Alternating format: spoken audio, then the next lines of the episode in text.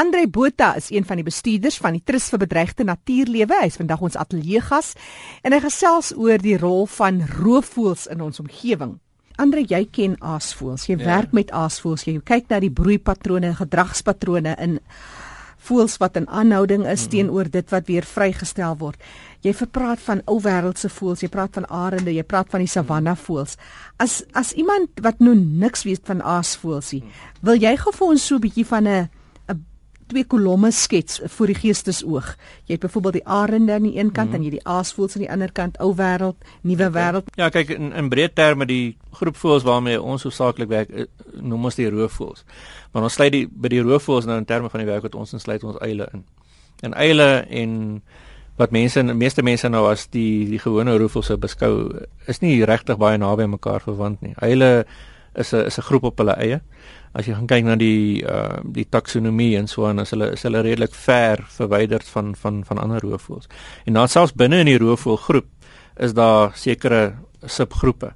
So um, die ehm, eile of die of die roofvoëls anders bietjie ouer wees ou wêrelds. As jy nou wil 'n onderskeid tref tussen ou en nuwe wêreldse aasvoëls, dis dis redelik eenvoudig. Ek meen die die nuwe wêreld is nou maar die die neotropiese gedeelte dis Noord en Suid-Amerika en dan die ou wêreld is nou maar Europa, Asië en Afrika. Ehm um, en en dis die eenvoudige skeidslyn. Maar as gevolg van van verskillende evolu evolusionêre paai wat hulle geloop het, is hierdie twee aasvoël groepe is ook relatief uh ver langs familie van mekaar. Die nuwe wêreldse aasvoëls in die Amerikas, uh word daar geglo is baie baie nouer verwant aan die ooievaar familie as wat hulle is aan aan ander roofvoëls terwyl ons ou wêreldse aasvoëls is nou meer uh, nouer verwant aan aan aan ander ander roofvoëls. Ehm um, ja, ek meen daar sekerre verskille in terme van van gedrag en uit die aard van die saak habitatte en goed wat die wat die voëls binne. Meeste van ons aasvoël spesies hier in die in die ou wêreld is nie noodwendig woudbewoners as sulks nie terwyl heelwat van van die uh, van die Amerikaanse spesies is nogal uh, voëls wat wat woude bewoon. Soos ek reeds genoem het, hulle reeksin en dan die neotropiese aasvoëls of die nuwe wêreldse aasvoëls is baie baie goed ontwikkel. Terwyl ons aasvoëls oor die algemeen net 'n reeksin, maar dit is blyk dis nie lyk nie asof dit vreeslik uh, goed ontwikkel is nie. Hulle maak baie meer in st staat uh op hulle sig sintuig um, en om om hulle kos in die hande te kry. En dan as hulle op die grond is, uh maak hulle ook staat op hulle gehoor, hulle baie goeie gehoor. Terwyl die uh voels in die, in die nuwe wêreld maak in in sekere dele waar hulle voorkom. En dis hoekom as jy gaan kyk na hulle snavels, hulle reuksintuig is baie baie beter ontwikkel as as ons aasvoëls. As jy nou praat so mate af, is hulle afhanklik van reuk om hulle kos te kry. As jy nou dink aan die tipe plante groei aan woude en so aan, ehm um, hulle ryk ek weet as vleis beginne mm. uh, om 'n reuk op te tel en dis dis gewone hoe op hulle op hulle bron van kos afkom. Nou praat nou so van hoe hulle op 'n bron van kos afkom en ek dink aan die visarend. Mm. Dan praat jy nou van hulle het goeie sig en gehoor. Ja. Wat van daai navigasie vermoë, daai vermoë om die berekening so goed te kry? Waar kom dit vandaan? Ja, dis 'n dis 'n moeilike ding en ek dink baie keer in die geval van arende is dit 'n kwessie van oefening en tydsberekening. En uh ons is nou besig met 'n studie in die in die nasionale kreewiltuin wat kyk na breek op arende en ons het 'n uh doktorsgraad student wat besig is met werk daarmee. En ehm um, ek het nou nogal baie ure saam met hom spandeer, onder andere om nou te kyk, weet na die jaggewoontes van hierdie van hierdie voëls en dis ek meen dis een van die mees charismatiese van ons arend spesies in in Afrika se savanne. En selfs hulle het maar in selfvolwasse voels dikwels as hulle op die jag uit is en hulle duik op prooi af dan is hulle onsuksesvol. So dis 'n kwessie van tydsberekening, spoed uh, en 'n mate van die element van verrassing waar jy jou prooi onverhoeds betrap en wat nie heeltemal bewus is wat weet wat gebeur en jy moet basies op hom wees voordat hy kan begin om om 'n plan te maak om te ontsnap. So die die voels leer dit maar, jy weet jong voels oor die algemeen is is baie meer sukkel baie meer om prooi in die hande te kry en en dit maak hulle weer eens kwesbaar. As ons weer terug gaan na die vergiftiging se aspek toe. Meeste van hierdie groot arende is ook maar aasdiere. Weet as die geleentheid daar is en daar is 'n dooie karkas wat hulle dan gaan alles van 'n visarend tot 'n breek op arend 'n witkruisarend hulle vreet um, aan aan dooie diere. Want dit is 'n maklike bron van kos. Hy het nie nodig om energie in te sit om nou die ding te vang Absoluut. en dood te maak en mee te beklei nie. Ehm um, so die jonger voëls is in 'n baie groter mate geneig om om te aas, hoewel volwasse voëls dit ook doen. En dan soos wat die voëls ouer en ouer word en weet ek dink dis maar 'n kwessie van van oefen en en jou aanslag verfyn. Uh hoe meer suksesvol raak hulle om prooi in die hande te kry. En dan is natuurlik 'n ander aspek. Net soms sien jy dit is dat hierdie arende skroom nie om by mekaar kos te steel nie. Net so weet die die een sal dalk suksesvol wees en uh, dan sal ander een kom en probeer om die kos weg te mm. vat en mekaar te beroof van van van kos. So daar's verskillende maniere waarop waarop hulle hulle kos kry in terme van van jag. Uh en ek, en ek dink ook weet as jy gaan kyk na verskillende spesies en verskillende forme van roofvoëls. Is daar ook verskillende maniere waarop hulle jag en waarop hulle hulle kos kry? Ja, dis 'n interessante een. Ek wil jy sê jy moet net so kortliks vertel van, jy weet, want byvoorbeeld die wat nou die karkas wat nou daar lê eers mm -hmm. oop ruk en dan kry jy die met die lang nekke wat nou weer ingaan ja, vir die ja. binnegoed en dan jy die arende wat miskien net van die oë naby ja makliker prooi maak. Ja, ek meen as jy gaan kyk na die vreet van 'n karkas. Ehm um, dis nogal interessant hier in in ons deel van die wêreld is speel die batteleer of die berghaan nogal 'n belangrike rol. Aasvoëls en berghane deel in baie dele van van die savanna deel hulle dieselfde habitat. In in omrede die berghane baie dikwels laer vlieg as wat die aasvoëls doen, is hulle nogal geneig om baie vinniger karkasse raak te sien. En uh gaan hulle af en begin hulle gewoonlik vreet en en daar word in sekere dele gesê en in, in sekere kulture word daar geglo as die berggaan nie die karkasse oog uitgehaal het nie en gevreet het nie dan gaan die aasvoëls nie aan hom kom vreet nie byvoorbeeld maar ek dink dis sommer net 'n mm. een van hierdie mites wat bestaan maar die voëls maak tog op mekaar staat in terme daarvan dan as jy gaan kyk na die na die na die aasvoël self die swart aasvoël het 'n baie groter en 'n swaarder snavel so hulle is in staat om deur dikker vel te kan skeer en sodoende deur dit te kan doen, maak hulle dan nou karkasse oop vir ander aasvoëls om te kan vreet. Ehm um, en dan kry jy nou die by die kraansaasvoëls, die witrig aasvoëls. Hulle kom in groot getalle en hulle is die ouens wat waarskynlik die grootste deel van die karkas skoonmaak deur die weer die die ingewande en die spiere en so aan vreet hulle dan. Daar is dan ook voels soos die monnikas wat wat 'n baie ander uh snavelvorm het as wat die as wat die wit terug die kraans aasvoël en selfs die swart aasvoël het. En wat hulle dan gewoonlik doen is hulle kom nadat hierdie ander aasvoëls die karkas in 'n groot mate gestroop het van vleis. Het hulle met hierdie klein snavels is hulle in staat om in plekke by te kom waar hierdie ander aasvoëls nie ja. kan nie. En verwyder hulle nou weer die oorblywende stukke vleis, die seënings en die dinge wat daar is, vreet hulle. En selfs terwyl die ander vreet, baie dikwels met die geskarrel en die beklei wat daar plaasvind, val dan nou maar stukke ehm um, val op op die grond en hulle vreet dit weet so hulle raak nie dikwels betrokke by hierdie gewoelige gewerskap van bekleierery hier in die middel nie so hulle hulle maak die die die rande kan jy sê skoon en as die ander asels weg is dan gaan vreet hulle en en, en basies is hulle besig om die kleiner gedeeltes van wat wat eetbaar is is verwyder hulle dan. En al wat uiteindelik kan oorbly is soms die vel en en dan die bene. En dan as jy nou in die in die Drakensberg area dan kom dan kom die laaste ou nou weer in en dit is die baardaasvoel wat kom en hulle is in staat om hulle tel groot bene op en en laat loop rotse val en son om by die murg uit te kom maar hulle is ook in staat om heel bene in te sluk en hulle is in staat om dit te kan verteer. Hm. So elkeen het 'n rol wat hy speel en en maak 'n bydrae in terme van van die verwydering van karkasse. En net so het ander roofvoëls ook met deur die bou wat hulle het, die manier waarop hulle jag. Ehm um, kan hulle verskillende tipe prooi vang en gebruik hulle verskillende metodes om prooi in die hande te kry. En uh dit stel hulle in staat om om 'n redelike diverse groep te wees en, en om 'n redelike diverse hoeveelheid prooi te kan gebruik.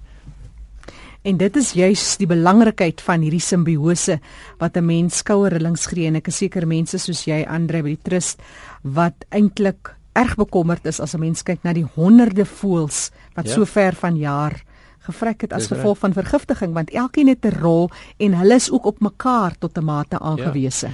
Ja, ek dink dit is belangrik om ook te sê dit is nie net aasvoëls wat vergiftig word in hierdie in hierdie gevalle nie. Jy weet soos wat ek genoem het die baie van die groot arende is ook as as diere in 'n mate en hulle word ook geaffekteer. Hulle gaan vreet ook aan die karkasse en hulle vrek ook. Ons weet byvoorbeeld verlede jaar is daar baie spesifiek in in 'n sekere deel van die Kreerwiltuin is sekere arende geteken uh deur onwettige jagters wat klein stukkies vleis uitgeplaas het wat vergiftig is met die idee om onder andere berghane en roofarende en so aan dood te maak en dan vat hulle hierdie voëls en gaan verkoop hulle in die multimarkte. Ehm um, so daar's feitelik vandag nie 'n 'n spesies daar buite wat nie 'n kommersiële waarde het nie. En ongelukkig is roofvoëls een van hulle. Het sy lewendig vir lewendige handel of of dood. En dit is die uitdaging waarmee mense sit. En natuurlik die gebruik van gif is 'n ongelooflik moeilike ding om te probeer hanteer. Mens daar is gifstowwe beskikbaar en en daar self hy hy's houtelike middels. Ja. Wat jy in elke huis in die land kan kry wat gebruik kan word om diere en selfs mense mee dood te maak en wat mense gebruik daarvoor. So dit is nie weet om te sê verban alle gifstowwe is eenvoudig net nie 'n praktiese oorweging as sulks nie. Ek wonder net hoe sal 'n mens die stroopers kan oortuig dat daar is een of ander waarde aan die Indiese spreeu want dit is 'n indringerspesies. ja, daar's 'n paar ander wat hy ook kan kan dink, maar ja, ek dink kom ons los dit daar. Andre Botha is van die Trust vir Bedreigde Natuurlewe bestuurder daar. Andre, jy sê vir my in Asië byvoorbeeld was daar 20 jaar so wat 60 miljoen roofvoëls, maar as jy nou in fokus net op die area van Indië dan is daar maar iets so 6000 voëls. En dit is juis 'n voorbeeld van waar aasvoëls aan die uitsterf is en dan word nou gesukkel met onder andere hondstolheid en ander siektes. Want aasvoëls speel 'n belangrike rol in die verwydering van karkasse uit die natuur. In die Kaprivi streek was die afgelope week nie minder nie as 600 voëls wat gevrek het. Wat sou jy sê is die hoofoorsake van die vrektes onder aasvoëls? Wel in hierdie stadium as jy kyk na die voorvalle wat die afgelope 2-3 maande plaasgevind het, is dit baie beslis vergiftiging in Afrika, Suidelike Afrika en besonder maar ek, ek dink as 'n mens vanuit Afrika konteks kyk, um, is daar geen twyfel nie dat vergiftiging definitief 'n rol speel reg deur die kontinent. Uh die voorvalle die afgelope 2 maande was nou maar hoofsaaklik hier in Suidelike Afrika, maar ons is ook bewus daarvan dat daar byvoorbeeld in Ethiopië so 'n maand of wat gelede ja is daar 'n klomp dooie aasvoëls opgetel by een van die vullishope. En die rede daarvoor is dat uh die gemeenskappe in Ethiopië begin probleme ondervind met rondloper honde en hulle het ook probleme in 'n mindere mate met hyenas. Hulle het onder andere gestreepte hyenas daar wat nie by ons voorkom nie. En deel van hulle sogenaamde probleemdierbeheer maatreëls wat hulle nou en wat deur die regering onderskryf is, is om gif uit te plaas om om hierdie honde dood te maak. Die probleem is hierdie ouens verwyder nie die dooie karkasse van die vergiftigde honde na die tyd nie. En Ethiopië het relatief gesonde aselbevolkings in verhouding met die res van Oos-Afrika en met Wes-Afrika. En ongelukkig nou met hierdie praktyk wat op hierdie stadium uh, in 'n mate deur die regering onderskryf word, is hulle besig om geweldige skade aan te rig aan aan spesies soos byvoorbeeld die Egiptiese asel wat hier by ons uitgesterf is ja. nou al vir, vir baie jare. En uh weet dit dit is hierdie tipe van ding daar wat wat 'n voorbeeld is um, in in terme van van die omvang van die vergiftiging. Dit vind in Ethiopië plaas, ons weet dit vind in Wes-Afrika plaas. Nigerië is amper word beskou as 'n sink van van aasvoëls. Weet ehm um, is amper endemies daar dat aasvoëls deesdae gebruik word vir 'n verskeidenheid dinge onder andere tradisionele medisyne. Dit word gebruik as 'n voedselbron in sekere gebiede. En dan is daar ook 'n baie gesonde handel in lewendige aasvoëls vir mense wat aasvoëls uitvoer en dan verkoop uh, in in die lewendige handel. So daar is maar sulke dinge wat wat ook 'n invloed het. Hier by ons in Suidelike Afrika dink ek uh, is daar geen twyfel op hierdie stadium dat vergiftiging definitief die grootste faktor is nie en, en wat in 'n baie kort tydperk 'n geweldige groot impak kan hê. Ek dink 'n ooglopende voorbeeld daarvan is die Caprivi voorval waar 'n enkele vergiftigde olifant karkas tussen 400 en 600 voëls kan doodmaak. Dis byna ondenkbaar. Ja, en dit is 'n groot slag vir die hele populasie, 600 voëls net so. Absoluut. En as jy gaan kyk na die beweeglikheid van hierdie voëls, mm. ons weet dat ten minste twee van die voëls, ehm um, in die geval van die Caprivi insident kom die een kom so 100 km suid van Kimberley is hy gemerk en die ander een is uh, is uh, basies in Kimberley se se distrik is die voëls van vlekplate toegerus en hulle is toe nou in op hierdie toneel opgetel. Albei jong voëls in die eerste 2-3 jaar van hulle lewe. Wat nie 'n buitengewone ding is nie. Hierdie jong voëls voordat hulle begin broei en vir hulle self 'n maat gekry het en en 'n nes beweeg hulle baie meer en baie wyer as wat volwasse voëls sou doen. En ek dink dis dalk die een ding waarvoor ons baie hoop op hierdie stadium. Um, ons het van ons veldwerkers doen monitering in terme van die broei uh, van hierdie voëls in die streek. En ons sal waarskynlik hier teen die einde van die jaar sal ons kan vasstel wat mhm. die impak was van hierdie vergiftiging in terme van broeivoëls. Maar ek dink die grootste impak wat dit wel het is op hierdie jong voëls. Hierdie voëls in die eerste 3, 4, 5 jaar van hulle lewens voordat hulle volwasse is en voordat hulle begin broei. En as jy 600 sulke jong voëls in een slag uithaal en jy's bewus daarvan dat dit nie die eerste voorval is in die Kaprivi hierdie jaar nie, daar was twee ander voorvalle vroeër hierdie jaar wat ons geen idee het wat die wat die omvang was van die voëls wat vergiftig is nie. Ons is bewus daarvan dat aan Botswana suid van die grens laat verlede jaar 300 voëls doodgemaak is op dieselfde manier, dieselfde modus operandi weer eens onwettige jagters wat wat uh, karkasse vergiftig en wat hierdie voëls dan doodmaak dan begin jy praat in in een streek van oor 1000 voëls in minder as 'n jaar. Dan as jy dan nou 'n bietjie weier gaan kyk en jy gaan praat oor Zimbabwe verlede jaar 174 voëls in 'n enkele insident. Jy gaan kyk na Mosambiek waar daar in 2011 en hierdie jaar in twee insidente 160 voëls doodgemaak is.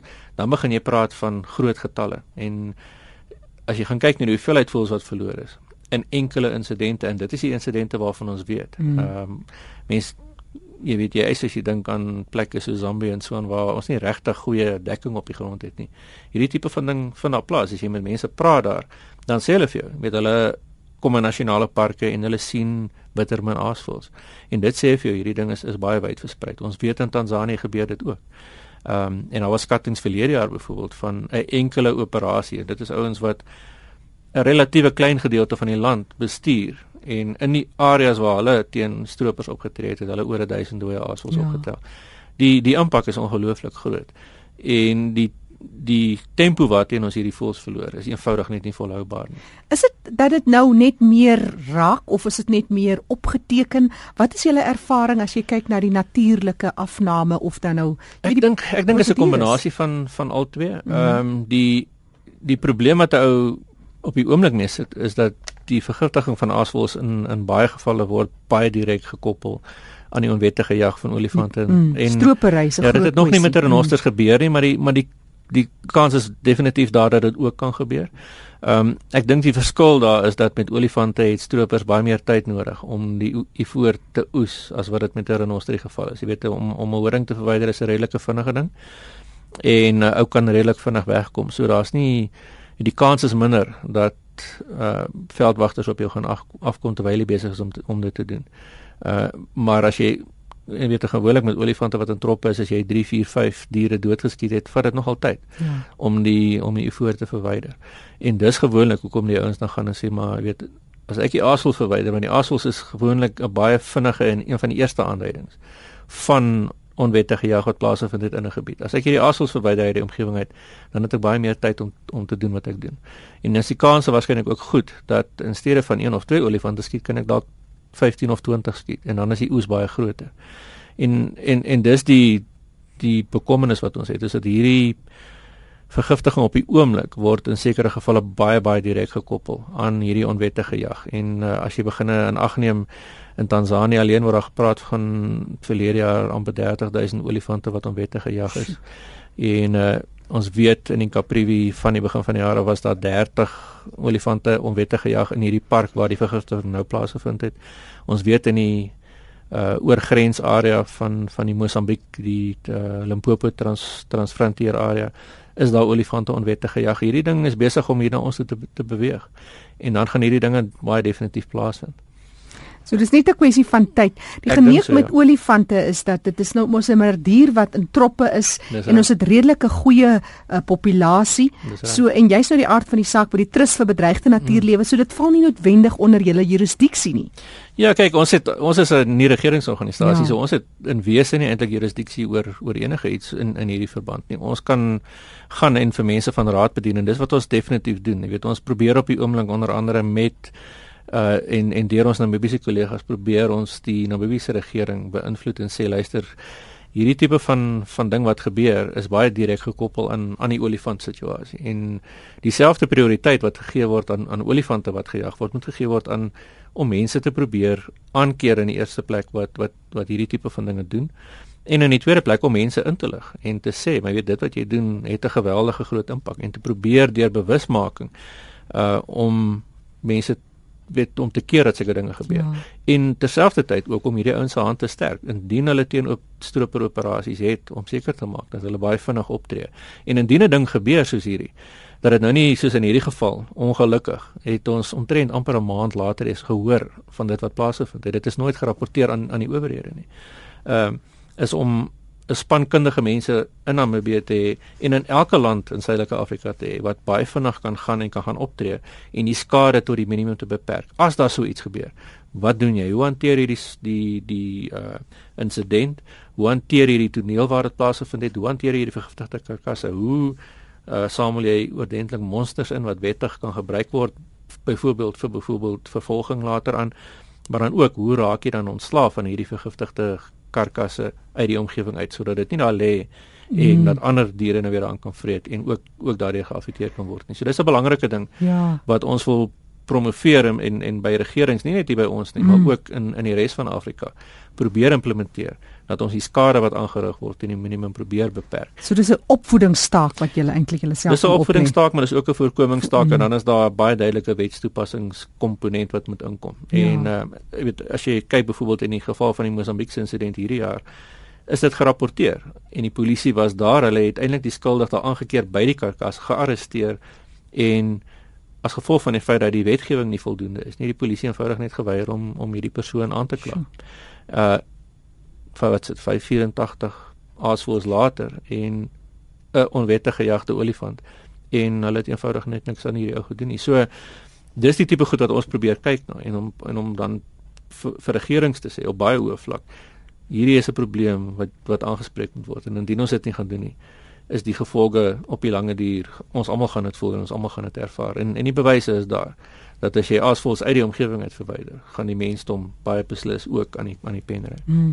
Andre Botha wat gesels, hy's bestuurder by die Trust vir Bedreigde Natuurlewe. Andre, jy doen nou intensief navorsing en werk al lank met asvoels spesifiek. Hmm. En ek wonder nou net, na aanleiding van al hierdie vrektes, asvoel is nie 'n dom dier as ek dit nou so blaatant kan stel nie. Hulle reukorgane of hulle evolusionêre groei sou hulle nie later dit kan agterkom dat hierdie vergiftigde karkas is. Wat is die kanse dat dit op 'n natuurlike manier dat hulle hulle self sal kon weerhou? Ek weet dit is dalk iets heeltemal op sy kop gedraai, maar wat sou jou uh, opinie wees?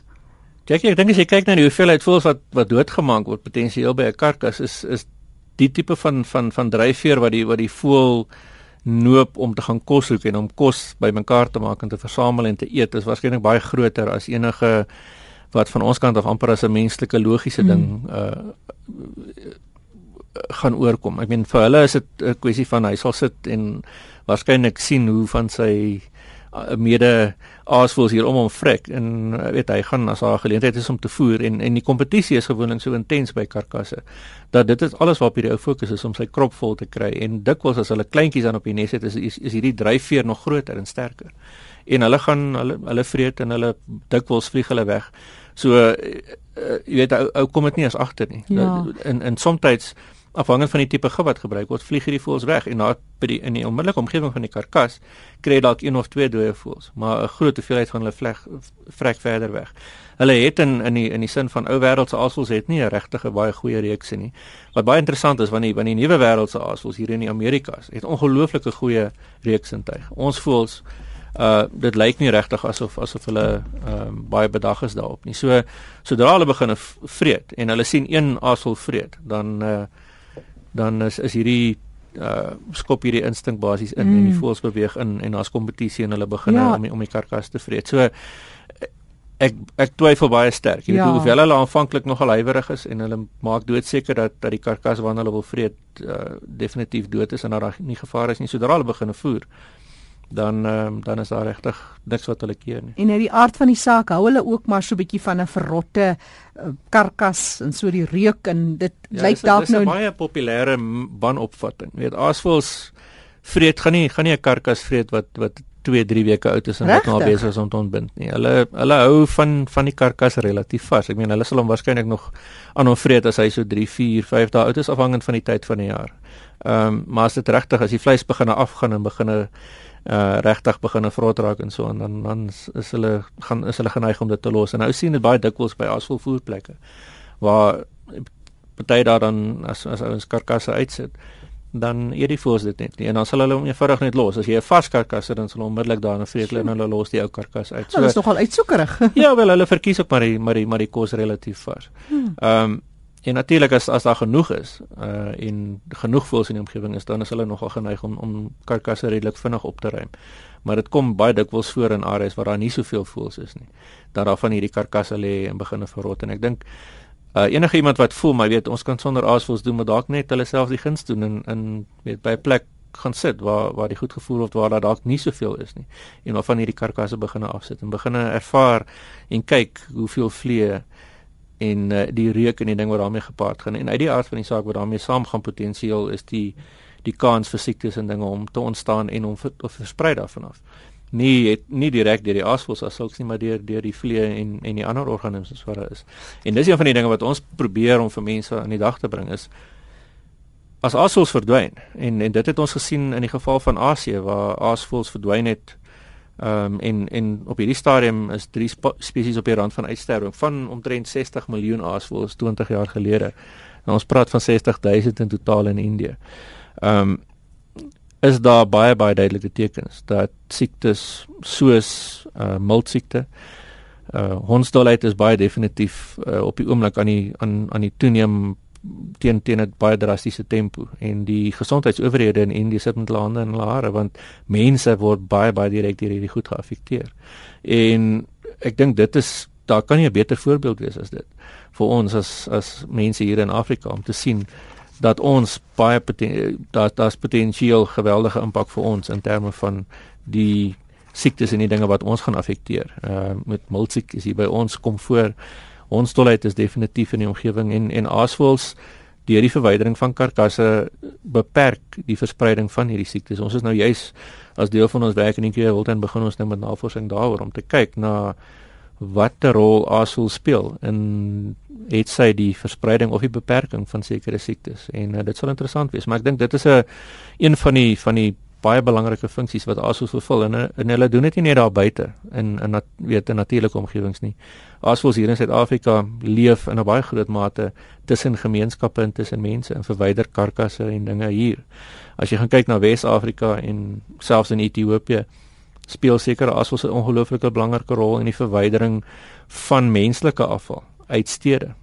En uh, as as hierdie asvoels verdwyn, dan is daar nie iemand anders om hierdie gemors skoon te maak nie. En jy kan jouself voorstel die verskeidenheid probleme en menslike gesondheidsgevare uh, wat daar inherent daaraan is. So ek dink mense moet regtig begin om om hierdie ding ernstiger op te neem. En uh, ons doen baie beslis en ons praat en ons werk saam met kollegas in die res van Afrika om dit vir mense aan aan die dag te bring. Net hoe meer hierdie voëls verdwyn, hoe groter gaan die probleem vir ons raak en hoe nader aan ons en ons gaan dit uiteindelik op ons eie vel voel. Ja. Nou Andre, jy's jy's op pad kreer toe en uh, julle werk daar intensief met baie ander spesies onder andere die aasvoëls, vlekplaatjies en so meer. En by volgende geleentheid moet jy ons tog meer vertel oor die werk wat julle spesifiek in Kreur doen want dit is 'n oorgrenspark en dit is 'n interessante konsep en al die birokrasie van die verskillende lande se regerings en so meer so ons kan jou seker maar net sterkte toewens vir hierdie taak. Andre Botha is van die Trust vir Bedreigde Natuurlewe. Hy's een van die bestuurders daar. Jy kan gerus 'n draai maak op hulle webtuiste. Dis www.ewt.org.za en hierdie EWT staan eintlik maar vir die Engelse deel van hulle naam. Dis die Endangered Wildlife Trust, so dis EWT. Ek herhaal www.ewt.org.za